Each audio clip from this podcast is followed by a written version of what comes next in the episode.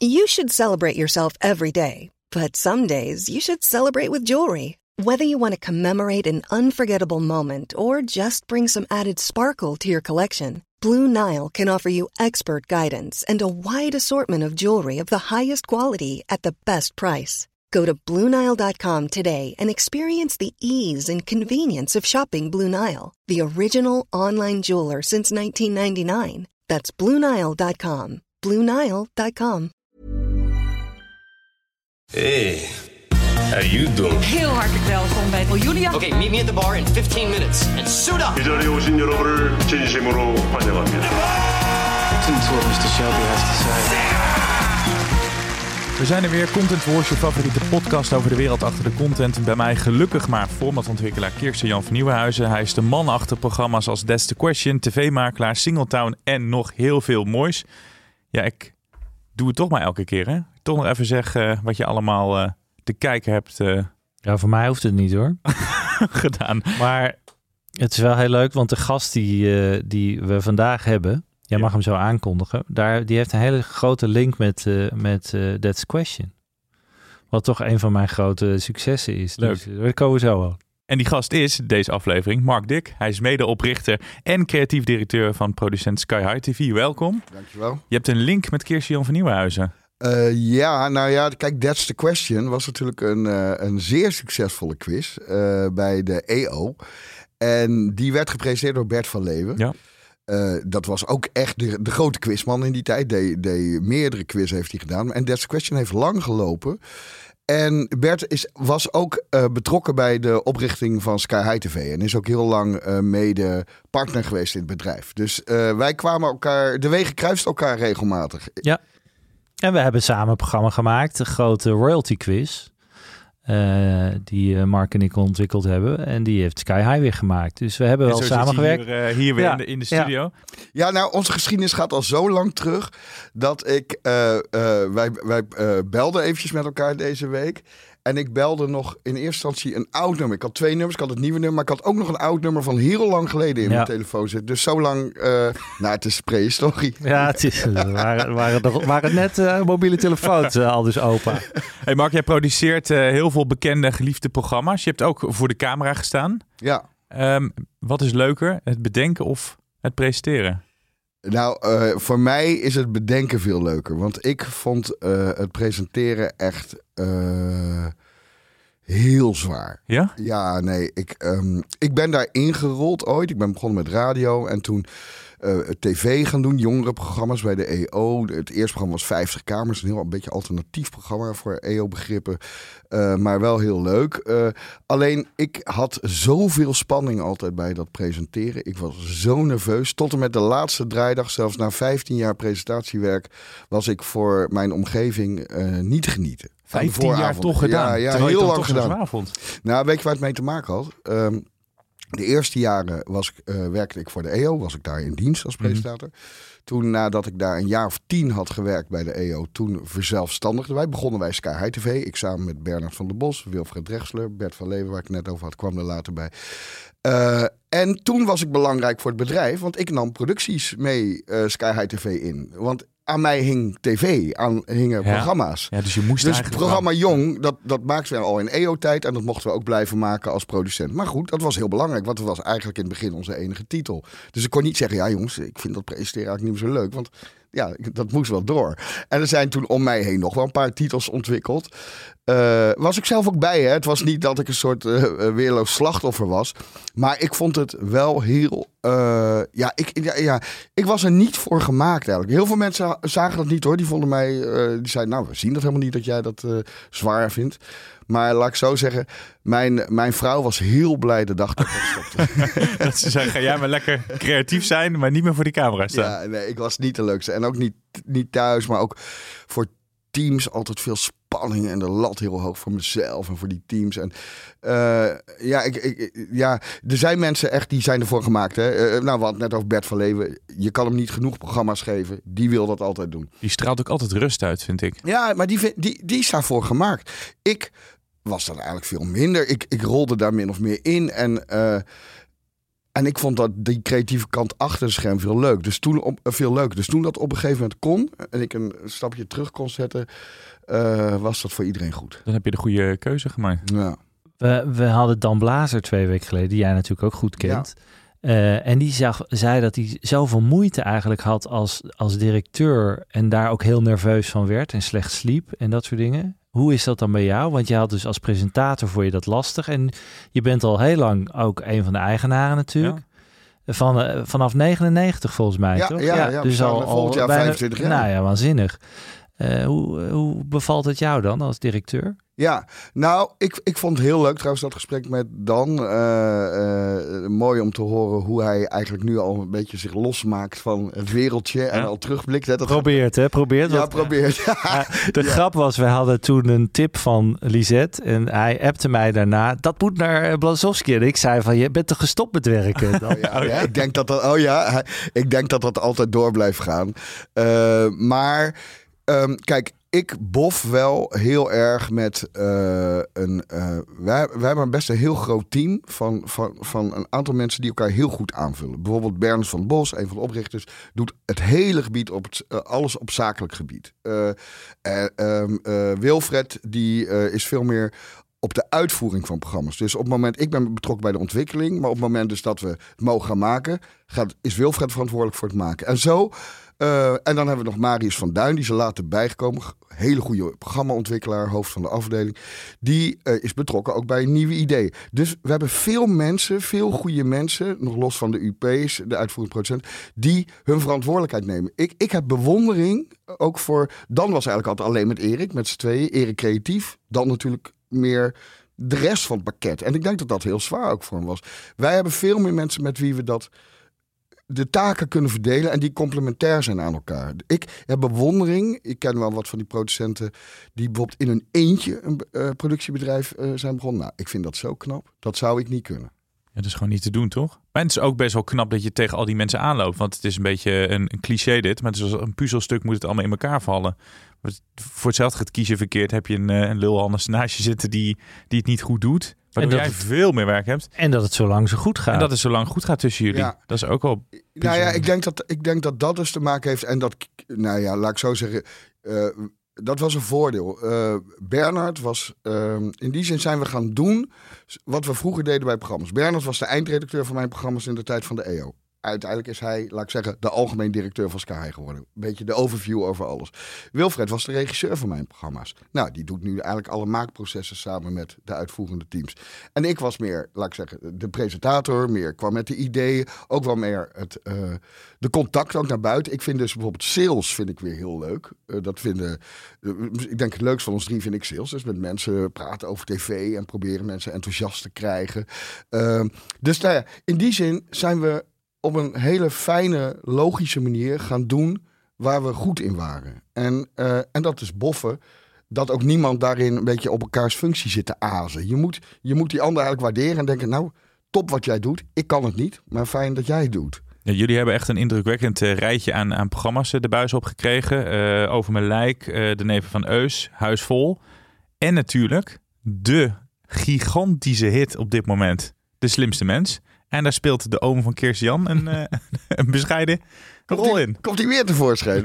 Vertel. Ja, Maarten van Rossum is... eh, nee, nou ja, Philip inderdaad. Ja. Nou ja, kijk, wat het bijzondere van, van, eh, van eh, de slimste is, daar wil ik het over hebben. Nee, niet, niet het over mijn oom. Maar wat jullie doen, nog een ander programma met Philip ook. die oom, ga je nog vertellen? Wat is dan? Philip. Philip is mijn oom, dat Ja. wist jij nog niet. Echt serieus? Wist Grappig. Ik, nee, ja, wist ik niet. nee, heerlijk. Dat is de broer van mijn moeder. Eh, dus, eh, d- ja. Oh, ik dacht dat jij dit dus wel wist. Nee, wist ik echt niet. Nee, nee, Hij heeft het nooit over hier. Nee, dat, ja, zo zie je maar. Hè. Ehm, nee hoor, het is een leuke oom. Eh, en, eh, maar het bijzondere vind ik van Slimste Mens, en dat, dat weten niet heel veel mensen, is dat het niet alleen een gigantische hit is, maar het is ook waarschijnlijk het enige programma ter wereld wat twee keer op zender, op een andere zender in Nederland is geweest. Die is ooit gestart bij RTL. Daarna is het naar Talpa gegaan, want toen was het al een hele grote hit. Andersom, andersom. Oh, sorry. We begonnen met Het- Talpa het- met sorry, eh, ja, je hebt gelijk. Linda. Het was een enorme hit in, Be- in België. Ja. Echt eh 40, 50 procent marktaandeel. Eh, en dus iedereen keek daarna. Het werd, gek genoeg werd het niet verkocht. Nog steeds is het nauwelijks verkocht. Eh, Duitsland geloof ik nu. Geflopt net in Eh, Duitsland. in Duitsland Eh, geflopt. Heel bizar. Ja. Dus er werd vanuit Nederland echt wel naar gekeken. Nou, toen probeerden ze het bij Talpa. Ik meen dat Remco van Westerlo heel erg daarvoor streed. eh, dat hij het heel leuk vond.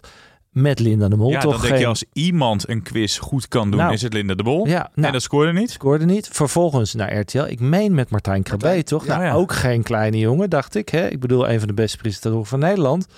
Ook geen succes. En vervolgens Is- gaat het naar de derde keer. Dus mijn vraag aan Mark, hoe lukt, hoe Ja. in godsnaam Ja. is dat gelukt? Want eh, er is geen zender die zegt het is twee keer mislukt, we gaan het nog een keer doen. Ja. Nee, dit is echt.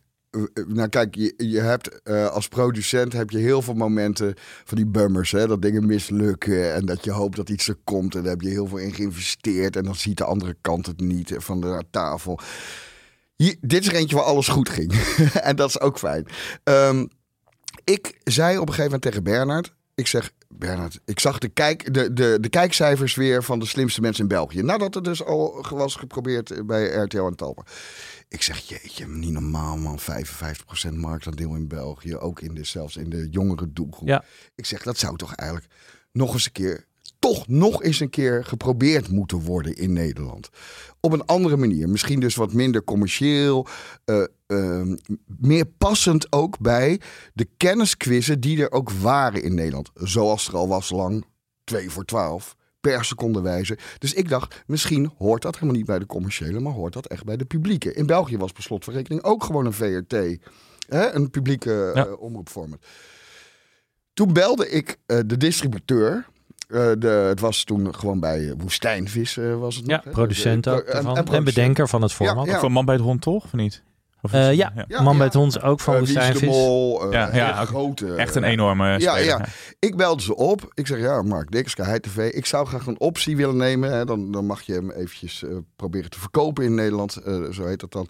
Een optie willen nemen op het format De Slimste Mens. Waarop de andere kant van de lijn heel netjes zei... Allee, weet u dan niet dat dat al twee keer is geprobeerd in Nederland? Ja. Oh, dat zeiden zij zelf ook. al. Ja, ja, ja. Heel netjes. Eh, ik zeg, ja, dat weet ik. Maar ik zou het toch graag willen proberen. Eh, en ik doe een voorstel. Ik, ik dacht, ik ga, ja, eh, ik ga je niet te veel geld voor geven. Want jij weet ook dat de kans heel klein is. Ik zeg, ik wil graag voor 1000 euro een optie. Nou, daar ging die man gelijk mee akkoord. Want die dacht echt, mijn zegen heb je, Ja. jongen. Eh, Gevonden geld, dacht ik. ja, dus, nou, en het, en het gekke is, we hadden die optie rond, gemaild en overeengekomen. En ik zat een week daarna bij Marcel Peek van NPO 1. Hij was in die tijd zendermanager daar. En ik zeg tegen Marcel, Marcel, is het niet leuk? Eh, er kwam namelijk een, eh, een, eh, een zomer aan met allemaal sport op NPO 1. Olympische Spelen, meen ik. Ik zeg, is het niet leuk als er misschien... Nee, nee, nee, sorry. Ik moet even... Nee, ik, ik ga... Het is lang terug. Het was iets anders. Ik zei... Er kwam namelijk een zomer aan zonder sport. Ik zeg, is het niet leuk om volgend jaar, als er geen sport is, eens een keer een dagelijkse quiz te hebben op NPO 1? Toen zei hij, nou, weet ik niet voor NPO 1. Maar, zei hij, de komende zomer zijn er de Olympische Spelen op NPO 1. En ik weet dat NPO 2 op zoek is naar Ah. een soort tegenprogrammering. Zo ging het. Ja. Nou, een soort ander Ja. iets waar aan Ja. mensen die geen zin hebben in sport. Ik zeg oké. Dus hij zegt, misschien is dat wat. Ik zeg oké. Ik reed naar huis. Ik vergeet het nooit meer. Dat, kippenvel is overdreven als ik dat zeg, maar het zit er bijna. Eh, ik reed naar huis door het bos naar eh, Amersfoort. Ik kreeg een belletje van ehm, Bart Reumer. Die was de netmanager van NPO 2. Die zegt, ik hoor zojuist van Marcel Peek dat jij de rechten hebt op de slimste mens. Ik zeg ja. Hij zegt, heb je die echt? Ik zeg ja. Hij zegt, nou, wij hebben een pitch uitgeschreven afgelopen week na alle omroepen dat wij op zoek zijn naar een slimste mensachtige quiz. voor NPO 2. zo. Dat- Ik zeg, hè? Maar waarom dan eh, een slimste mensachtige quiz? Ja, wij dachten dat die quiz bij de commerciële lag, die rechten. Wij wisten niet dat, dat we daarbij konden. Nou, ja, ik wou zeggen lang verhaal kort, maar het is een lang verhaal lang. Maar eh, eh, binnen twee dagen zat ik bij de NCV. Zei de NCV, wij willen het graag. En een week later was het Kwam alles in één keer bij elkaar. Dat is ook alles bij elkaar. Alleen dan moet je nog de presentatoren hebben. Ja, En wij hadden als droom, eh, jouw oom, want op een of andere manier zei iemand, waarom niet Philip Freriks? En dat was een soort, nou, kom er maar eens op. Hè. De man was eh, eigenlijk al bijna gepensioneerd of gepensioneerd, had alleen maar het acht uur journaal gedaan. En op een of andere manier voelde dat zo goed. Eh, een, een uitvoerend producent zei dat. En we dachten, ja, dat is een vondst. Heel anders dan de andere presentatoren. Heel anders dan Linda, Martijn. Eh, terwijl die wel het gevoel heeft van... hij, hij komt bij je thuis, we kennen Ja, je hem van vertrouwt journaal, hem, je ja. vertrouwt hem. En Ja, en, en toen was Maarten van Rossum was ook, geen, eh, was ook een soort no-brainer. Die, die, die voelden we van, nou ja, die als, als knorrenpot en allesweter. En ze zeiden ook allebei ja. Eh, Het was ook helemaal niet van eh, dat we er lang over moesten doen. Ze vonden het allebei leuk. Dus alle puzzelstukjes vielen in dat proces. Ongelooflijk. En toen kwam natuurlijk uitzenden. En toen dachten we van, nou, als we 500.000 kijkers hebben, weet je wel, zou het mooi zijn. En die eerste had al gelijk bijna 900.000 kijkers. Eerste aflevering. Ja, en de rest... En dan zit je nu boven de, boven de 2 miljoen. Ja, het is altijd zo Ja. van, had je dit verwacht, dan ga je waarschijnlijk nee zeggen. Nee, eh, zeker maar dit is niet. toch niet te bevatten eigenlijk? Nee, nou, dat is niet te bevatten. Dat groeide langzaam door dus. Eh, en dat is ook een van de... e- misschien het enige programma waar ik elke keer als het weer start... rustig de volgende dag wakker word en de kijkcijfers open. Bij de meeste, bijna bij alle programma's heb je wel eens... zelfs bij seizoen 2, zelfs bij seizoen 3... Ja. denk je wel eens, hoe zal het nu zijn? Is, het, is de kijker nog niet zat? Bij deze durf ik altijd eh, kijkonderzoek rustig open. Ik heb met Erik van Looy zitten kijken. Ik vond het jammer dat hij eh, eruit ging. Ja, maar ik wat ook. een held is die man. En wat bracht hij sfeer. En die lag alleen al. Ik vond het ook leuk dat hij zichzelf had aangemeld. Ja. Van, ik ben al 19 jaar de presentator van de Belgische variant. Dat hij Ja. mee wilde doen. Ik, ik ga wel één ding. En dat bedoel ik niet verkeerd. Het is je oom. En met alle respect. Beide heren zijn 80. Ja. Dan moet je op een gegeven moment ook al gaan nadenken. Hè? Hoe lang kunnen die... Ze maken er zelf ook grappen over. Van over 10 jaar zitten we hier niet meer. Ja, Eh, dit zijn zulke karakters. Kirstian heeft me vaak eh, verteld, het gaat echt om de samenstellingen, om de presentatoren of de, de characters. Dat zijn ze. Bijna niet te vervangen. Maar op een gegeven moment moet je toch gaan nadenken. Ja, jij knikt van, dat kan wel, Kirsten. Nou, ik denk dat ze een enorme eh, rol spelen in het succes. Maar ik denk dat de slimste mensen inmiddels zo ontzettend sterke titel en populair is. Dat als je het met andere presentatoren zou doen, het nog steeds zou scoren. Misschien niet de cijfers die je nu haalt. Maar als scoren jullie de helft, dan is het nog steeds een hit. En ik kan me bijna niet voorstellen dat iedereen gaat, eh, eh, hè, met alle respect, ook naar mijn oom. Ik hoop dat hij nog heel lang het kan blijven doen. En Maarten ook. Eh, maar ik denk toch echt dat die titel is zo sterk. Ja. Ja, ja kijk, ehm, weet je, ik moet er niet aan denken hè, natuurlijk om eh, afscheid van die heren te nemen. Maar ja, ik bedoel, ze zijn in de tachtig. Maar nog heel, maar nog heel vitaal, hè. Want ik lees allemaal stukken, ook momenteel in de krant, dat, dat Philip Freriks ontketend is dit seizoen. En dat hij Ja. eh, losser Lekker is gek dan, doen met die dap. En, ja, ja, losser is dan ooit. Ja. Ehm, nou, ik, ik eh, spreek Maarten regelmatig ook zelf. En laat ik zeggen, daar zit de sleet nog niet op. Nee, Eh, ziet er niet uit als 80 nieuw. Nee, nee, maar het is, eh, eh, ze leven ook in die zin. eh, nou ja, Maarten heeft daar zelf natuurlijk in de loop der jaren best wel eens dingen over gesproken. Vroeger leefde die best wel eh rock'n'roll en niet zo heel erg eh, bewust. Van, eh, en inmiddels leven ze allemaal wel heel bewust. Die mannen gaan wel goed met hun gezondheid om. Dan heb je het niet in de hand natuurlijk. Maar eh, ja, het zijn hele fitte mannen. Ik teken ervoor als ik straks en de brains heb en Maar- de vitaliteit die zij hebben. Maar, maar toch, hè, ik had het net over die, die Vlaamse variant. Die Erik van Looy is Ja. al 19 jaar de presentator van. Ja. Dus, dus geef maar aan hoe lang zo'n format mee kan. Als we nog minimaal, dat denk ik wel, 10 jaar mee kunnen met deze variant. Zijn jullie dan op de achtergrond wel bezig met... uiteindelijk moeten we die heren kunnen vervangen? Eh, ja, die gedachten natuurlijk, die eh, gaan door ons hoofd. En daar zijn we ook over aan het nadenken. Ja. Ja. En ik bedoel, daar zijn geen, eh, in die zin, er liggen geen contracten klaar of zo met nieuwe mensen. Maar we moeten daarover Ja. nadenken. Eh, ja, dat, dat kan niet anders natuurlijk. Nee. En dat lijkt me ook wel moeilijk, want het is zo'n mega succes. Dat lijkt me ook een nadeel. Dat je achterover gaat leunen en denken... Nou, ik moet daar, en door. ik moet daar wel bij zeggen, ik, eh, en ik denk Kirsten dat eh, jij als, als, als spelletjesbedenker en quizmaker zal dat ook zien. Er zitten ook hele goede geheimpjes in het spel zelf. Dit is een fantastisch Eh, format. Ik had, eh, kijk, nu kennen we dat programma. Het loopt zoals het loopt. Het heeft bijna iets anti-quizerigs, want er zit iets. eh, we gaan naar deze ronde en deze ronde. Ja. Maar het is zo goed bedacht, dit spel. Ja. Ik bedoel, de, eh, ik geloof dat John de Mol dat de shoutability noemt bij een quiz. Van dat je dingen gaat roepen thuis. Hè, dat je meespeelt en Ja. mee gaat roepen. Dat heeft deze quiz zo goed. Dat doe ik ook elke keer. Je roept mee. Ja. Want, al- kom er maar op, op Ja. het idee van, wat weet je van? Dat, is een, dat is bedacht ooit. Dat was er niet.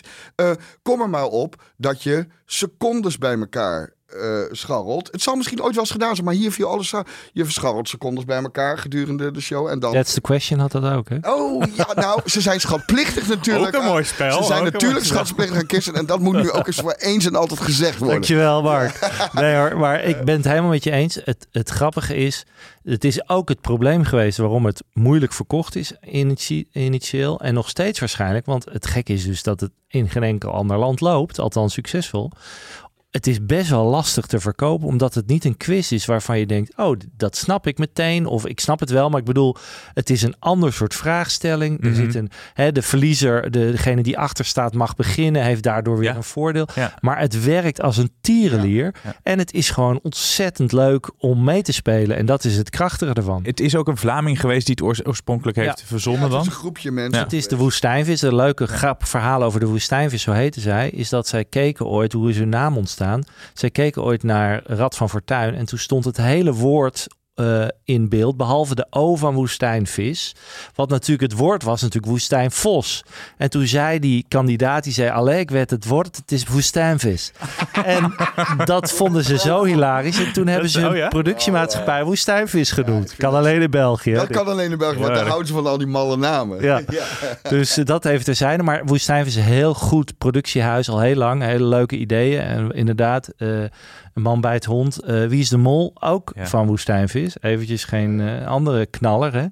Eh, maar het is, ja, het is een briljant format. Ja, het, zit, zit echt, het zit echt heel goed in elkaar. En, ehm, maar weet je wat het is? Als je er een. Ik zag de verkooptrailer, hè? Het komt niet over als je er hier een trailer van maakt om het te verkopen in het buitenland. Het is sowieso heel moeilijk om een quiz in een trailer. Nou ja, weet Ja, je, ja. een quiz in een trailer uitleggen, heel moeilijk. Maar deze helemaal. Want je, zit gewoon, je ziet gewoon drie mensen een beetje ja, voor zich uitstaren op een stoel. Er zit niet een enorme dynamiek in, maar er zit een andere, zitten allerlei andere geheimen in. En dat is zo goed en dat maakt hem denk ik wel uniek ook. Ja. Het is wel mooi om te zien. Ja, de luisteraar kan het niet meekrijgen, maar ziet hier een soort van eh, blij klein kind tegenover hem als het over eh, de slimste gaat. Je zit helemaal te glunderen. ja, Zijn er nog andere producties waar je op dit moment mee bezig bent dat je zegt van, oh, dat zou, dat zou ook de slimste kunnen zijn of dat zou ook... Eh, nou weet je, kijk, de slimste is best wel een eh, binnen het eh, portfolio van Sky TV was dat sowieso best wel een aparte de een vreemde eend Ja, want wij maken eigenlijk met name heel veel human interest programma's. Ik, ik ben, nou je noemde volgens mij ook even in het begin over mijn lijk. Als je het hebt over meer een, een, een soort van signature dish van ons bedrijf, is dat eigenlijk een programma als over mijn lijk. Dus, dus, en daar zijn we nu ook weer, ja, dat, dat loopt eigenlijk. Toen we dat voor het eerst gingen maken, voor NPO 3 is dat ooit begonnen. Toen zei de mm, eh, netmanager in die tijd van, en ik snapte hem best wel hoor, die zei van, ja, ja, eh, die vond het een heel mooi thema. En, eh, maar die zei, dit doe je maar één keer, zei die. Je gaat niet volgend jaar weer een groep mensen volgen die ernstig ziek zijn. En toen dachten we, oké, nou ja, misschien, misschien. en dat bleek dus eigenlijk ook een beetje, ja, zonder dat we dat van tevoren konden zien, een programma zijn, wat ook langer kon lopen. Weet je wel? Omdat, Ja. omdat er eh, zoveel verschillende mensen, eigenlijk met zoveel verschillende manieren hoe ze daarmee omgaan, ehm, eh, naar voren konden komen, kon dat ook lang lopen. Dus ik vond dat, als je het hebt over van waar, Ja. waar, waar, Waar je echt trots op... ja, waar ik trots op ben. Maar ja, en wij, ja we, we doen best wel heel veel verschillende genres. Hè? Want we doen, ik vind zelf een heel leuk programma wat wij maken. Dat komt uit de catalogus van het bedrijf waar wij deel van uitmaken. We zijn onder, in- inmiddels onderdeel geworden van een Frans mediabedrijf. En dat is het programma Au Pairs. En dat vind ik een heel leuk programma. Ik ook. Dat is een, eh, een van oorsprong Fins idee. En dat vind ik zelf, ja, ik, ik ben daar heel blij mee. Want daar weten we dus opeens weer een hele jonge doelgroep mee te bereiken. En nou, zoals we allemaal weten, die, kijken, die zijn moeilijk te winnen voor televisie. En eh, die groep, die ehm, in één keer kijkt daar een groep meiden vooral naar, van tussen de 15 en 20, die dat programma vinden. Omdat, en daar, als je daar dan terug redeneert van waarom is het nou zo leuk, dan denk je, oh ja, daar zitten natuurlijk ook een paar hele goede dingen in. En dat is ook een chapeau voor die ontwikkelaars. Want daar zit een ding in van jonge meiden vinden het heel leuk om voor het eerst op vakantie te gaan. Jongeren sowieso, maar meiden met elkaar, weet je wel, voor het eerst op reis. Er zit een deel in, dus van, hè, van losmaken van je ouders. Maar er zit ook een deel in eh, van eh, voor kinderen gaan zorgen. Hoe zou dat zijn als ik ooit kinderen heb? En dat gebeurt natuurlijk. Dus gaan in die, in die aparte gezinnen in Amerika meestal gaan ze daar voor kinderen zorgen. En eh, ik vind dat dus heel leuk. En voor mij ook best wel onverwacht dat we daar in één keer weer een hele jo- jonge doelgroep weer mee weten te bereiken. Ja. Met name trouwens op NPO Start hoor. Eh, online tv is dat best wel marginaal. Maar op Start wordt dat dan heel goed bekeken. En, en dat is ook zo'n serie die nu maar doorgaat elk seizoen. Want jullie werken dan voornamelijk, als ik het zo hoor, ah, voor, voor de NPO. Niet echt voor commerciële... eh, Ja, eh, de- eh, NPO is bij, by far onze grootste eh, opdrachtgever. Eh, maar we doen ook wel, eh, we maken bijvoorbeeld, ehm, vind ik zelf een heel leuk programma. Dat is eh, door eh, Marius bij ons ontwikkeld. Dat is Kinderen kopen een huis voor SBS6. Ja. Eh, waarin eh, kinderen eigenlijk, ouders die wi- willen graag verhuizen, maar kinderen willen niet weg vanwege vriendjes, voetbalclub, Ja. noem maar op. Krijgen de kinderen de gelegenheid om het huis uit te gaan zoeken. Ja. In de hoop dat ze dan wel willen verhuizen. Eh, daar zijn we nu met het tweede seizoen mee bezig. Er komt vanaf volgende week programma IJsmeesters, ook bij SBS 6. Waarin we ijskunstenaars die mooie sculpturen maken. En voor RTL maken wij eh, al heel lang... Ja, dat is, dat is ook een beetje een eh, gek, eh, gek broertje in de, in de, in de, van de club. de slechtste chauffeur van Nederland. Oh ja, ja, ja. ja, dat is echt een... eh, ja, vind ik een heel leuk programma. Ik ook. Leuk programma. ja. Leuk format. Ja, dat is een Engels format, hè? Ja. Eh, eh, en, en, en dat is dus ook heel knap, hè? Want eh, dat vind ik zelf heel goed. Maar kom daar ook maar eens op dat je niet op zoek gaat. Dat, je de, dat de zoektocht is uiteindelijk naar de slechtste en dat die overblijft. Nou, ik weet een beetje hoe dat ontwikkeld is. Oh. Eh, dat was inderdaad, het begon, we gaan op zoek naar de beste coureur. Omdat iedereen zich heel goed vindt kunnen Ja. rijden. Oh, dus ja. je snapt ook wel Ja. van, oh ja, iedereen vindt wel dat ze goed kunnen autorijden. Dus we gaan op zoek naar de beste. Eh, alleen om mensen heel goed te zien autorijden is eigenlijk niet zo hele leuke tv. Want dan rijdt hij alles heel netjes. En dat, dus ze kwamen er eigenlijk achter dat het veel leuker is als mensen heet het crashen. ja. En eh, heb je natuurlijk veel spannendere Ja. televisie. En vooral mensen met angsten. En mensen die gewoon eh, gillend achter, de, achter Ja. het stuur zitten. Dus ze kwamen er eigenlijk achter dat het omgekeerde veel leuker Wel grappig, is. Dus je ziet ook soms als je iets gaat ontwikkelen of testen, bijvoorbeeld bij een pilot, dat het in één keer een hele andere kant op kan vallen. En het is natuurlijk ook al jaren succesvol. Ja, ja. En, en, eh, en de, nou ja, het is eigenlijk wat jij zegt, dat is ook een heel. Je hebt ook allerlei van die brainstorm oefeningen natuurlijk, waar je eigenlijk alles omkeert Ja. altijd. Omdenken. En dit, is, ja. dit is heel duidelijk een omkering die hele leuke tv heeft eh, opgeleverd. Want inderdaad, goed autorijden. Ja, Ja. is helemaal niet- Nou ja, dat, dat is niet, niet, althans niet leuk genoeg. Nee, of het moet zo goed zijn. eh, En bij dit is natuurlijk ook dat je je zit op te winden van Ja. hoe, hoe hebben deze mensen in godsnaam een Ja. rijbewijs gekregen? Weet Ik, je eh, wel, dat ik, soort ik mag je graag afzeiken, maar één ding wat je heel goed kan is autorijden. Ik heb Een paar keer bij jou in de auto gezeten. Nou, dat kan je. Dankjewel Jelle, willen jullie wat drinken van? Ja. hey, Mar- Mark, jij zei net wat interessants. Je had het over overname door een Franse partij. Hoe is het om met de, de Fransen samen te werken? Ehm, ja, nou weet je, daar werd op voorhand natuurlijk best wel eens, ook door mensen in mijn omgeving, die zeiden, oeh, Fransen. Toen, Ja. toen wij, ik wel eens ging vertellen van, nou, we zijn aan het praten met eh, een, een Franse partij die geïnteresseerd is. Of wij boffen heel erg, of het beeld van Fransen is niet goed wat we hebben in Nederland. Maar ik heb tot nu toe, en ik heb met, inmiddels met twee Franse groepen gewerkt. Want de eerste groep die ons eigenlijk kocht, die, die heeft eigenlijk de, de, de divisie waar wij deel van waren, eigenlijk in zijn geheel overgedaan naar Media One, waar wij nu onderdeel van Ja. zijn.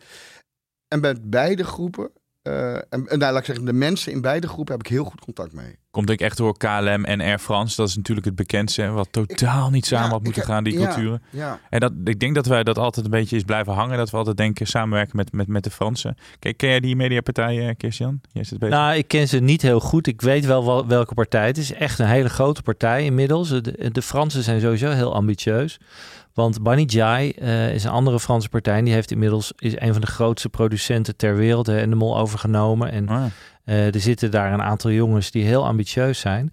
En eh, de partij die Mark Dick heeft overgenomen is ook heel ambitieus. Dus daar zitten heel veel zenders en productiehuizen bij. En ik begreep van jou, Mark, dat zij ook heel ambitieus zijn met nieuwe ideeën. Dus dat is ook altijd leuk. Ja, nou dat vind ik dus zelf, uh, ben ik dus heel blij mee. Dat je merkt, uh, nou heel concreet bijvoorbeeld, hè, eh, dan, dan zeggen ze van we willen een pitch uitschrijven voor alle producenten binnen de groep. Uh, we hebben 50.000 euro ter beschikking en het leukste idee mag een pilot gaan maken. Nou, daar word je dus als ontwikkelaar super blij van als je dat hoort. Want dan in één keer is er een mogelijkheid, een idee waarvan je denkt, ja, dat heb ik al langer liggen op papier, maar het heeft net dat setje nodig. Weet je wel, dus dat, dat laat je creativiteit heel erg stromen. En ik merk bij hun dat daar Um, uh, die drive zit. Ze, ze, zijn inderdaad heel ambitieus. Ze hebben net uh, zijn groot aandeelhouder geworden in het fictiebedrijf van Brad Pitt, Plan B. Uh, nou, dat is een heel groot fictiebedrijf. Dus iedereen in mijn omgeving hoopt dat... Dat, dat je met Brad Pitt... Dat ik met ja. Brad Pitt Jij wordt zetten. collega's. je Mark Dick en Brad Pitt. Ineens ben ik heel hot vanwege Brad Pitt. Heel veel vrouwen die willen wel, ja. nee, maar, nee, maar het is... Nou, om even aan te geven, het, het is een echt een grote partij. En... Um, nou ja, toevallig, ik ga vanmiddag uh, uh, uh, ga ik naar Schiphol om daar voor het eerst ook een meeting in Parijs te hebben met mensen die ook mij hebben gevraagd van kan je meedenken ook met onze Franse producenten om te ontwikkelen. En dat ik vind dat zelf ook heel leuk. Los van dat ik het mooi vind om daar onderdeel van te zijn, vind ik het ook voor mezelf leuk. Omdat het best wel leuk is om weer eens wat nieuws te doen. En buiten heel veel. En laten we heel eerlijk zijn, je bent liever in Parijs dan op het treurige Mediapark. Hè? Nou, we, nou mooiste ja, stad van Europa. Nou, ze hebben een kantoor, ze hebben een mooi kantoor in Hilversum. Nou, ik heb er jaren gewerkt, ja. maar ik zat liever in Parijs. Uh, ik ben jaloers op je. Ja, nee, ik vind Parijs ook heel... Zeker jongens, ik weet niet of jullie het hebben gezien, maar het zonnetje schijnt. Ja. Dus, uh, nee, nee, dus vind, vind ik ook heel leuk. Maar ik, uh, ik vind vooral, ik, ik merk dus voor je, ehm, de bedoeling natuurlijk als je je bedrijf verkoopt, want dat hebben wij gedaan. En dat was een, een geleidelijke fase van aandelenovername.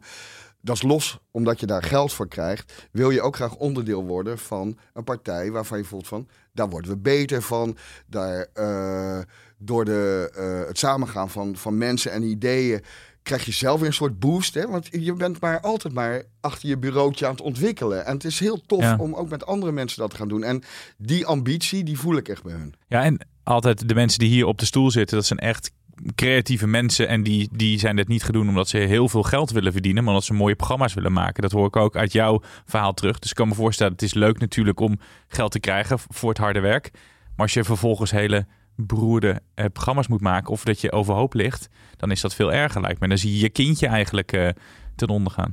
Ja, nou, weet je, nee, ja, nee, zeker. Kijk, dat moet ik wel zeggen. Dat is het leuke natuurlijk van voor jezelf beginnen en op jezelf gaan. Of je nou dat als ZZP'er doet, die je ja. gaat ontwikkelen, of bij elkaar een productiebedrijf begint. Je wordt, je wordt lekker baas over jezelf. En, en over wat je gaat maken en wat je gaat pitchen. Uh, je maakt ook wel eens dingen uh, waarvan je denkt, hm, oké, okay, die is voor de hypotheek. Weet je wel? uh, nee, ja, niet alles is natuurlijk, uh, weet je wel. Nee. Maar de meeste dingen is echt omdat je ze ooit, zijn ze in je hoofd ontstaan of in het hoofd van je collega.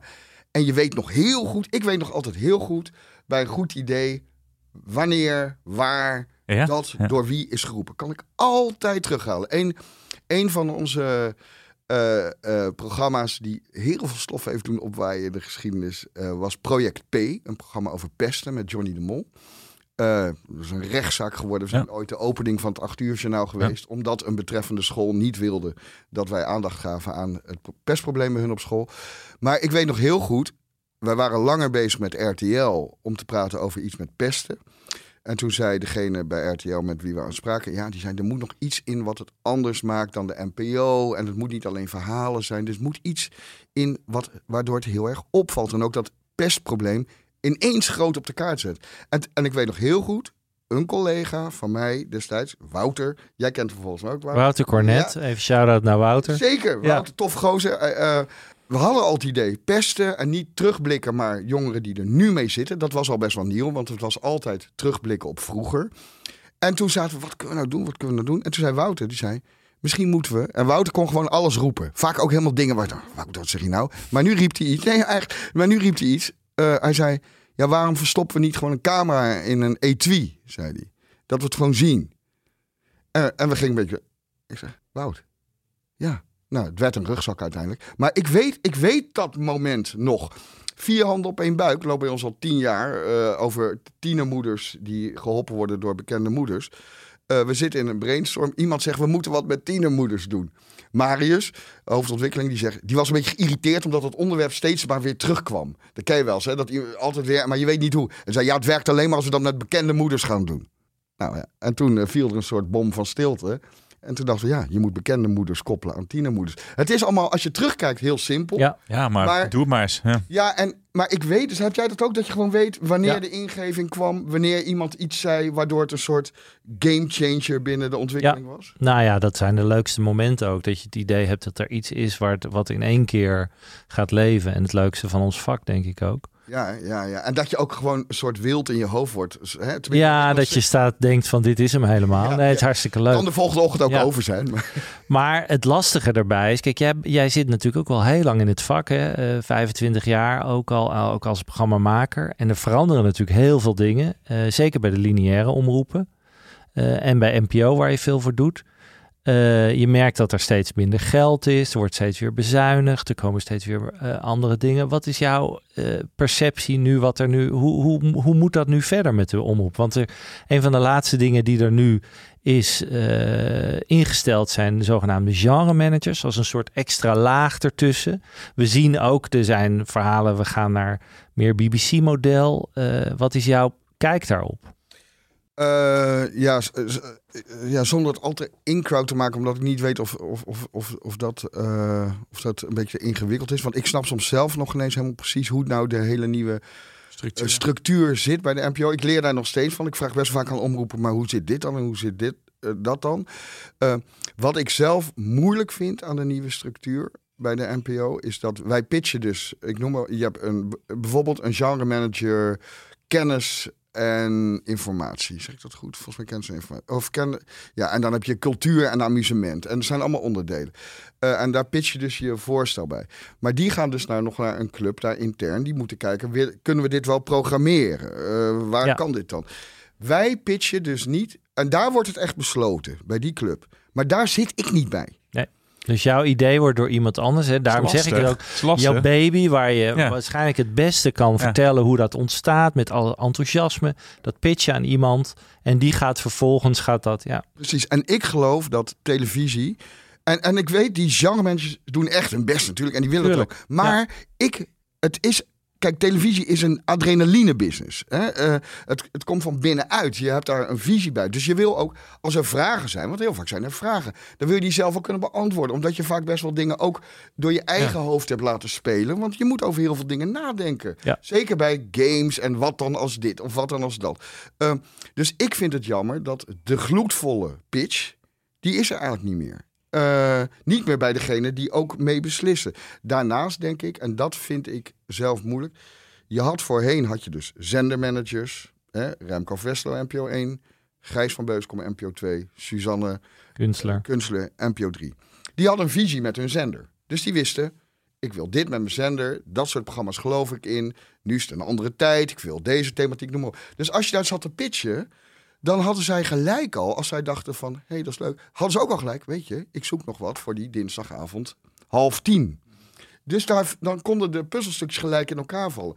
Nu is dat veel diffuser. Dus wat je nu soms gaat krijgen, en ik heb het al gezien, want jij hebt hier een keer een format besproken, een testcase van Kassa. Waarvan eh, Ja. in jouw blokje, ik luister dat- graag ja, naar eh, dat kan veel beter. Ja. Nee, ehm, eh, heb jij gezegd dat zou beter kunnen, hier en hierom. Maar ik weet, de achtergrond daarvan is, het is ontwikkeld voor de vooravond en niet voor prime time. Kijk, Ja. ja. Ja, Eh, dan, dan, dan, eh, dan, Dan weet ga je het. al. Dat heb ik dus gehoord van de, van Ja. de mensen die Ja. daar aan gewerkt hebben. Dus, dus wat gebeurt er? Er ontstaat een beetje een stuurmeer aan programma's. Die moeten op een gegeven moment geplaatst worden. Want ze zijn besteld en betaald. En dan kan je, kan je dus krijgen situaties. Dus al meestal zal het wel kloppen hoor. Maar je kan dus ook dit soort situaties krijgen. Dat er in één keer een programma om half tien s'avonds staat. Waarvan de makers dachten: is leuk voor de vooravond. Gezellige tv. Dan komt het op prime time. Scoort het niet. En wordt gezien als een flop. Ja. En verdwijnt het. ja, dat is killing en het is doodzonde. Ja. Want Ja. het in de basis, daarom behandelen we dit soort formats soms ook, van in de basis zijn het echt leuke ideeën. Kan dat echt wat worden? Ja. Dus ik, dus ik denk, eh, ik, ik ben er heel erg van overtuigd. Ik heb nooit aan de zenderkant gezeten hoor. Ik heb nooit aan een zender gewerkt. Maar ik heb wel gezien grote zendermensen, of we nou over Tina Nijkamp hebben die SBS 6 groot heeft gemaakt. Remco van Westerlo die RTL 5 groot heeft gemaakt. Frans die eh, ei- eigenaar was van NPO 1, Frans Klein. Eh Erland, die RTL 4 eh, in de mo- mooie tijd eh, hè, omhoog heeft gestuurd. Die hadden allemaal een visie voor hun zender. En ik geloof niet dat een hele groep kan praten over een zender. Dan, dat is, je moet een eigenaren hebben. Dat denk ik. Wat zijn de programma's nog die jij wil gaan maken?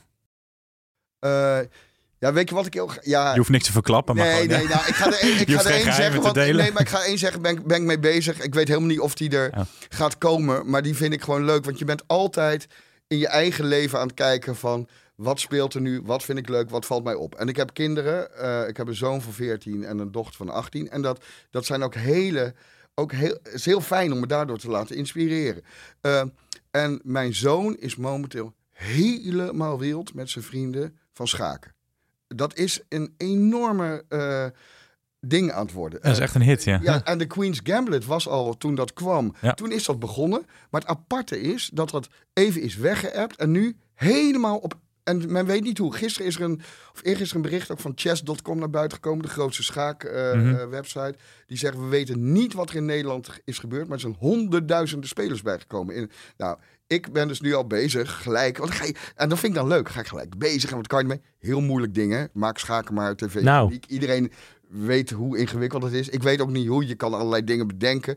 Eh, misschien is het beter eh, eh, online voor een nichegroep. Maar ik wil dat dan heel graag daar nu mee bezig gaan. En nou ja, ga ik gelijk bellen met mensen en zo. En, en dat vind ik zo leuk aan ons werk. Dat we eigenlijk ieder moment weer door iets om ons heen verrast kunnen worden. Wat je weer helemaal een soort van enthousiast maakt. En waar je meer mee aan de gang kan.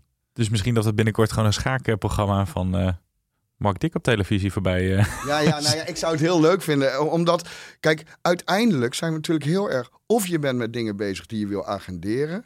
Of je, wil, of je surft mee op iets waarvan je denkt van... Nou, dat vinden mensen heel leuk. En eigenlijk zijn we daar binnen eigenlijk altijd aan het zoeken naar eh, eh, nieuwe ideeën. Ja, dat of een programma met Brad Pitt. Alleen met je achternaam in het Engels wordt misschien dan een beetje... eh, Het is, het is elke keer weer een dingetje aan de hotelbalie als ik Ja. naam Oh ja? Ja, dat snap ik, ja. Dat snap ik. Had Inmiddels, inmiddels ja. dan Moet je er ook in één keer aan denken. Ik lach zelf eh, hard mee. Maar interna- eh, in mijn internationale carrière is er ook niet van Nee. gekomen vanwege In, de in het buitenland kunnen ze Nee. mijn achternaam ook nooit uitspreken. dus. Ik weet dat er een, een Belg weer, om even terug te gaan, een Belg die hoog bij de Belg zat, die heette Ja. Wietpot. Dat is ook Dus goed. die had ook wel een leuke als die in Nederland Wietpot? kwam. Wietpot heette die. Daarna eh, Ja. succesvol investeerder. Ja. Zou het hier werken?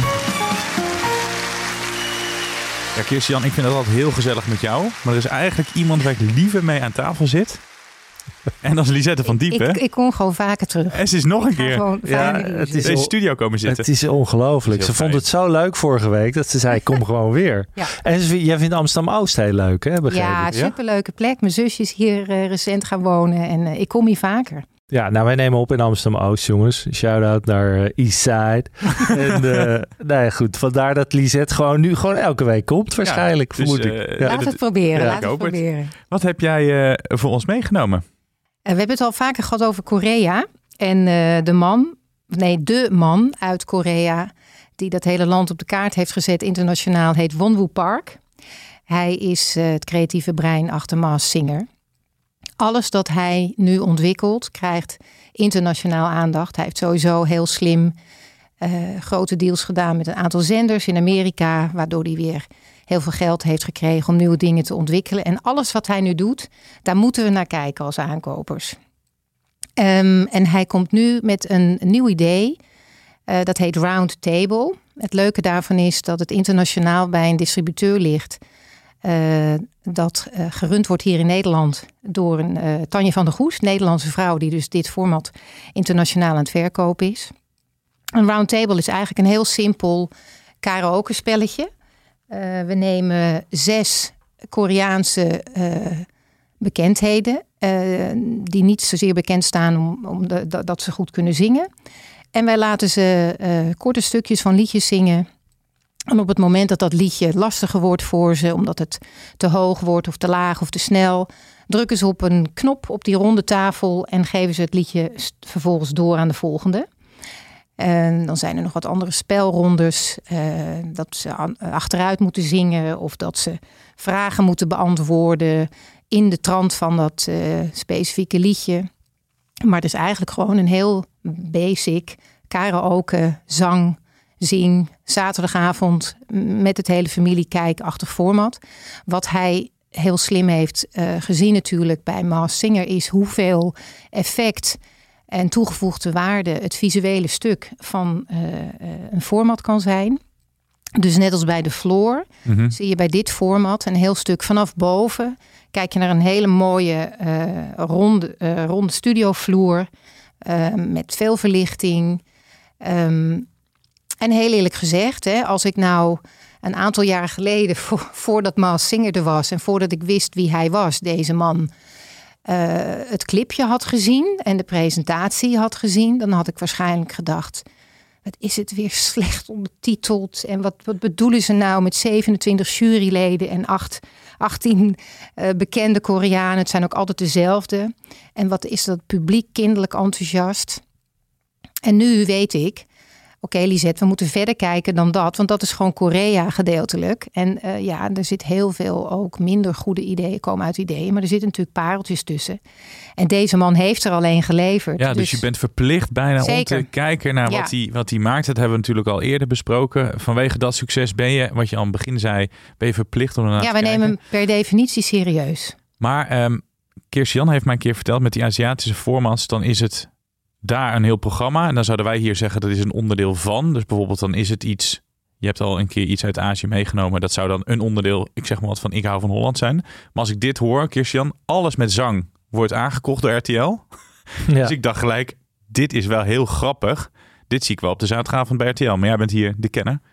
Ja, nou ja, uh, Lisette heeft helemaal gelijk. Onze allereerste aflevering volgens mij ging over opportunisme. Ja. En, is king. Ja. Eh, opportunisme is king. Voor mensen die het ooit nog willen terugluisteren, die eerste. Ik weet niet of je het moet doen, maar uh, dat ging precies daarover. Oh, dat ja, als ja. je ooit een keer een hit hebt, dan uh, kan je maar blijven doorgaan. En Mark Post zit in die situatie nu ook. Alles wat Mark Post nu, althans IDTV ja. brengt, wordt allemaal serieus bekeken. Dus dat is hartstikke leuk voor die makers. Uh, als ik het zo hoor, denk ik ook van wat is nou het format? Dat, uh, ik, ik snap wel elementjes erin. Van het is eigenlijk het doorgeven van een liedje, hè? Ja. dat is het. Ja. En daar is dat is natuurlijk hilarisch. Van als het heel hoog wordt, kan de volgende dat niet aan. Valt iemand af als het slecht doet? Ja, Of, ze, uh, de, de vallen mensen ja. af. Ja. nou ja, goed. Um, ja, ik denk dat als je dat op een beetje uh, RTL uh, Talpa-achtige manier doet met een, een, een, een Gerard Joling erbij, dat dat natuurlijk allemaal hilarisch wordt. um, maar ik, ik twijfel er wel een beetje over. Dat van, gaat dit het nou worden? Um, want wat ik bij de Maas Singer, waar overigens heel lang over getwijfeld is, want iedereen zag dat Ja. helemaal niet zitten in het begin. Ja, Alles hè? overal afgewezen. Uh, alleen daar begrijp je nog wel, die pakken zijn zo fantastisch. Dat je, en het is natuurlijk gewoon raden, wie zit er in dat pak? Dat mis ik hier een beetje. Dat ik denk van waar zit geen raadelement? Er zit ook niet enorme production value in. Behalve dan misschien een mooie ronde tafel. Uh, zes zangers. Uh, ja, ik twijfel daar heel erg over of zoiets gaat werken. Maar ja. Ja, sowieso. Zo hebben er een heleboel Heel veel gaan daar mis. zien dat dit ook weer gewoon een kijk ja. Ja, uh. absoluut. En ik, ik bedoel, ik heb een paar afleveringen geleden geroepen dat de floor... Uh, ik, dat ik daar niet zo enthousiast over was en dat dat naar beneden ging in cijfers. Nou, ik heb volledig ongelijk, want zo ben ik ook weer. Als ik, als ik fout zit, zeg, geef ik het ook toe. En die cijfers zijn gewoon omhoog gegaan. Nou, ik voorspel, Tanja, kan je hier uh, op redelijk korte termijn waarschijnlijk heel leuk nieuws over vertellen. Of dat in Nederland is, laat ik even in het midden. Oeh. Maar um, deze gaat in ieder geval heel veel aandacht krijgen. Ja, dat geloof ik ongetwijfeld. Mensen gaan bij dit soort, als je zo'n wereldhit hebt, kopen ze eigenlijk sowieso altijd alles al wel. Zelfs als het niet goed is, gewoon omdat ze het niet willen laten lopen. En um, we zijn met Tanja in gesprek of zij hier wil komen. Dus dat is, wordt helemaal leuk. Uh, ik ga ervan uit dat we haar mogen gaan verwelkomen binnenkort. Leuk. Ja, leuk. Uh, en dan kan zij hierover gaan vertellen. En over heel veel andere formats. Want Tanja verkoopt heel veel formats. Hè. Lisette koopt ze natuurlijk nu in. Vooral voor IDTV. Maar Tanja verkoopt ze Ja. internationaal. Denk jij dat dit format uh, veel verkocht gaat worden? Of, of zijn er al deals gesloten dat jij weet? Want je had nou, vorige laatste, week... Dat gaat Tanja jou vertellen als je zit over een paar weken. Ja, kijk, uh, ik, ik, ik, ik eh, denk dat A, omdat hij het is. En uh, het is heel grappig. Het is een heel klein, heel, hij lijkt heel bescheiden. Um, maar het is een loopy, slimme zakenman en creatief. Uh, dus ik denk dat dit idee sowieso heel veel aandacht gaat krijgen. En ik denk ook dat er in het algemeen hè, zingen, entertainment, uh, voor het hele gezin, Dat, dat, dat blijft altijd, of het nou hier lanceert in eerste instantie of in een ander land, maar dat, dat blijft altijd wel lopen. Dus ik geloof daar wel in. Spannend, we moeten even op Tanja wachten. Of Ja. zij een tipje van Ja. de sluier wil geven. Zeker. En dan hopen wij dat jij hier eh, heel snel weer aanschuift, ik vind het heel leuk. Ik, ik kom gewoon weer terug. Amsterdam-Oost. Tot, tot de volgende. Tot snel. En voordat we afsluiten, heb je altijd een, een leuke tip. Ja, ik heb, eh, ik heb eh, toch weer eventjes een tip. En dan eh, eh, nog even los. Ik wilde heel even een tweede ding. Als je hem nog niet gezien hebt, ga kijken naar de stamhouder. Oh ja. Eh, echt een hele mooie serie. Je moet er even inkomen. Het duurt even twee afleveringen. Mhm. Eh, ik heb begrepen dat het richting een miljoen per aflevering gaat. Wat echt wel uniek is voor Nederlands en zeker voor NPO. Maar het is echt wel een mooie serie met een glansrol van eh Gijs Scholten van Anschat. Eh, heel mooi. En Robert de. Hoog ook. Robert de Hoog ook. En eh, nou, gewoon een prachtige serie. Maar dat is even niet mijn tip. Mijn tip is toch weer, helaas, of helaas, we komen weer terug bij onze HBO Max, waar wij grote fan van zijn. Ze sponsoren nog steeds niet. We hebben het er eerder over gehad in onze aflevering over gamen. Dit is het eerste format wat eh, hè, gebaseerd is op een game. En het heet The Last of Us. En dat Oh ja. is wel echt een goede serie echt hoor. een- Jongen, jongen. Die, hoor ik veel eh voorbij komen. Een mooie serie. Mensen zeiden ja, het is een soort Walking Dead. Maar het is echt wel anders dan The Walking Dead. Eh, het is veel meer drama. Het gaat veel meer over relaties. Het is veel minder horror. Ehm, en het is gewoon heel mooi gemaakt. Het is een hoge production value. Het is, eh, ja, elke aflevering is een soort apart verhaaltje, bijna een beetje, met wel een doorlopende draag. Ik vind echt een, eh, een aanwinst. eh, en bijzonder dat het gebaseerd is op een game. Ik begreep ook dat het echt heel dicht bij de game zit. Ik, speel, ik ken de game niet, maar ik weet de naam. Wat ik ook knap vind. Eh, dus ik vind dat wel een leuke tip. Last of Us, volgens mij vier afleveringen nu. Nou, vijf volgens mij. Vijf, bijna de eerste serie. De tweede is al besteld, begreep ik. De tweede serie komt eraan. Eh, ook met een hele goede hoofdrol van die Pascal Pedro, wat een hele leuke acteur is. Uit eh, ook eh, volgens mij de film over onze grote coke-dealer. eh, ehm, Escobar? Escobar zat hij ook in een van die rechercheurs, die Spaans-Amerikaans rechercheur. Dat is die acteur die, waar ik het over heb, Pascal Pedro.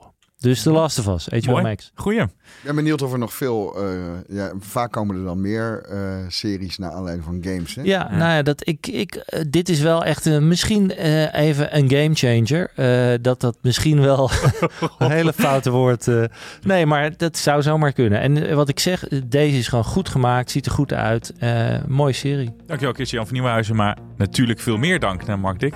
Medeoprichter eh, van Sky High. Goed dat je hier was.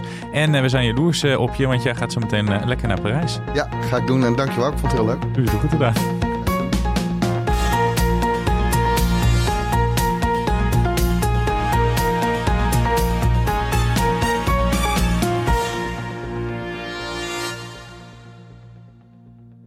Ben jij content met deze content? Vergeet je dan niet te abonneren op Content Wars. Even when we're on a budget, we still deserve nice things. Quince is a place to scoop up stunning high-end goods for 50 to 80% less than similar brands. They have buttery soft cashmere sweaters starting at $50, luxurious Italian leather bags, and so much more. Plus, Quince only works with factories that use safe, ethical, and responsible manufacturing. Get the high-end goods you'll love without the high price tag with Quince. Go to quince.com slash style for free shipping and 365-day returns.